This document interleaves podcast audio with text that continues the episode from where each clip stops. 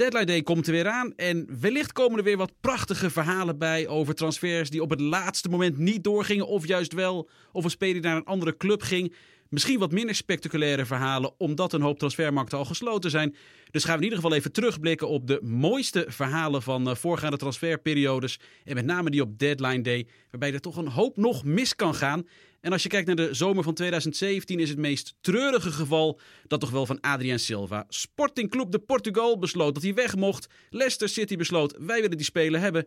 Maar de onderhandelingen duurden nogal lang. Het duurde heel lang. En uiteindelijk op het laatste moment kwam alles toch nog rond. En de papieren werden naar op tijd verstuurd. Nee, 14 seconden te laat. En dat betekende dat Adrian Silva van de FIFA niet mocht voetballen voor Leicester. Sporting hoefde hem natuurlijk ook niet meer. Dus Adrian Silva was eigenlijk wel speler van Leicester, maar mocht niet voetballen, mocht niet trainen met de groep. En heeft een half jaar eigenlijk niks gedaan. 14 seconden te laat met de papieren. Het duurde dus tot januari voordat hij eindelijk in actie mocht komen voor zijn nieuwe club. En het mooiste van het hele verhaal is dan het rugnummer dat hij koos. Hij dacht, weet je wat, die 14 seconden hebben misschien zes maanden van mijn voetballeven gekost. Ik kies voor rugnummer 14. En hij ging spelen en ging uiteindelijk zelfs nog met Portugal naar het WK. Eindgoed al goed dus voor Adrian Silva. Wat betreft de transfer van De Gea naar Real Madrid in 2015 geldt dat toch eigenlijk niet. Althans, niet wat betreft Real Madrid, niet wat betreft De Gea, maar misschien wel wat betreft Manchester United. Want die zijn uiteindelijk heel blij dat een kapotte faxmachine ervoor verantwoordelijk was dat David De Gea niet ging. Real Madrid geloofde dat allemaal niet zo. Kapotte faxmachine. Zij beschuldigden Manchester United ervan de boel te hebben gesaboteerd.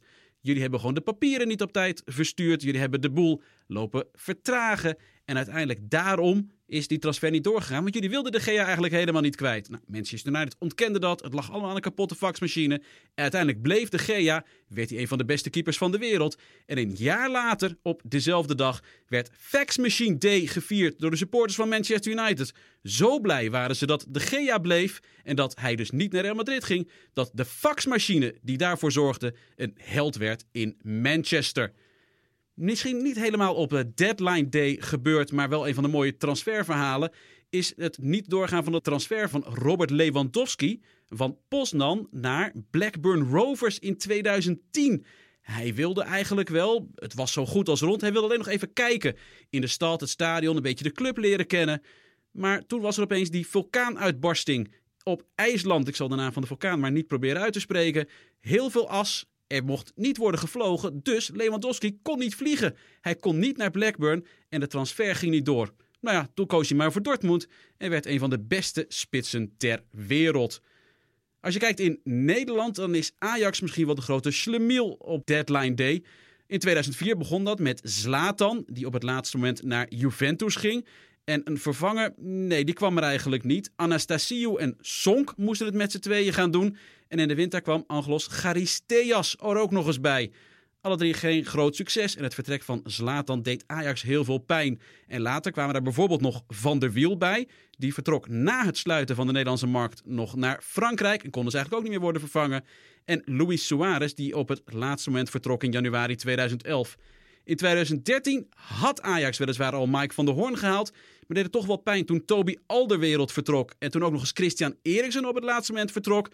Besloten ze maar Duarte te halen. Het mogen duidelijk zijn dat Eriksen Alderwereld vervangen door Van der Hoorn Duarte niet het doorslaande succes werd dat Ajax hoopte.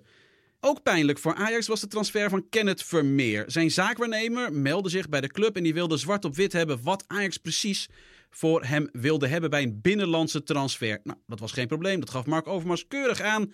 In de verwachting dat AZ of misschien Herenveen interesse zou tonen in Vermeer. Maar nog geen 10 minuten nadat dat was doorgegeven aan de zaakwaarnemer van Vermeer, kwam opeens Feyenoord op de proppen. Die zeiden: Oh prima, dat willen we wel betalen.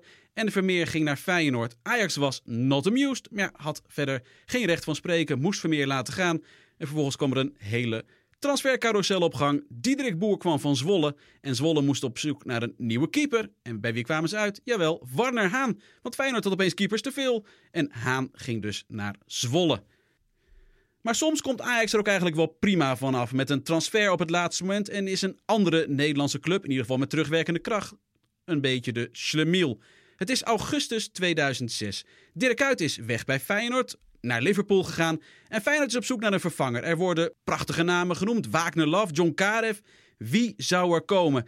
En het is deadline day. En daar komt hij, de spits. Hij wordt met een ronkend persbericht gepresenteerd. We hebben hem eindelijk. De opvolger van Dirk Kuyt. Hij is in de Kuip. En het is Angelos Charisteas. Hij heeft Zlatan een keer moeten vervangen. Hij heeft Dirk Kuyt een keer moeten vervangen bij Feyenoord. Laat het erop houden dat het hem niet is gelukt. Ten slotte kan zo'n late transfer ook nog wel voor wat verwarring zorgen. Dat was zo bij Robinho in 2008. Hij werd eh, gepresenteerd en had natuurlijk een keurig praatje klaar bij zijn nieuwe club. Ja, op de laatste dag deed Chelsea een geweldig aanbod en ik heb het geaccepteerd. Het was alleen bijzonder jammer dat zijn nieuwe club Manchester City was. De supporters waren niet heel blij met deze kleine verspreking. Het mogen duidelijk zijn, ook het verblijf van Robinho bij Manchester City werd geen doorslaand succes. Of er dit jaar weer zo'n bizar verhaal bij komt, laten we toch eerlijk gezegd gewoon hopen. Want dit zijn toch wel de verhalen waarvoor je het allemaal doet.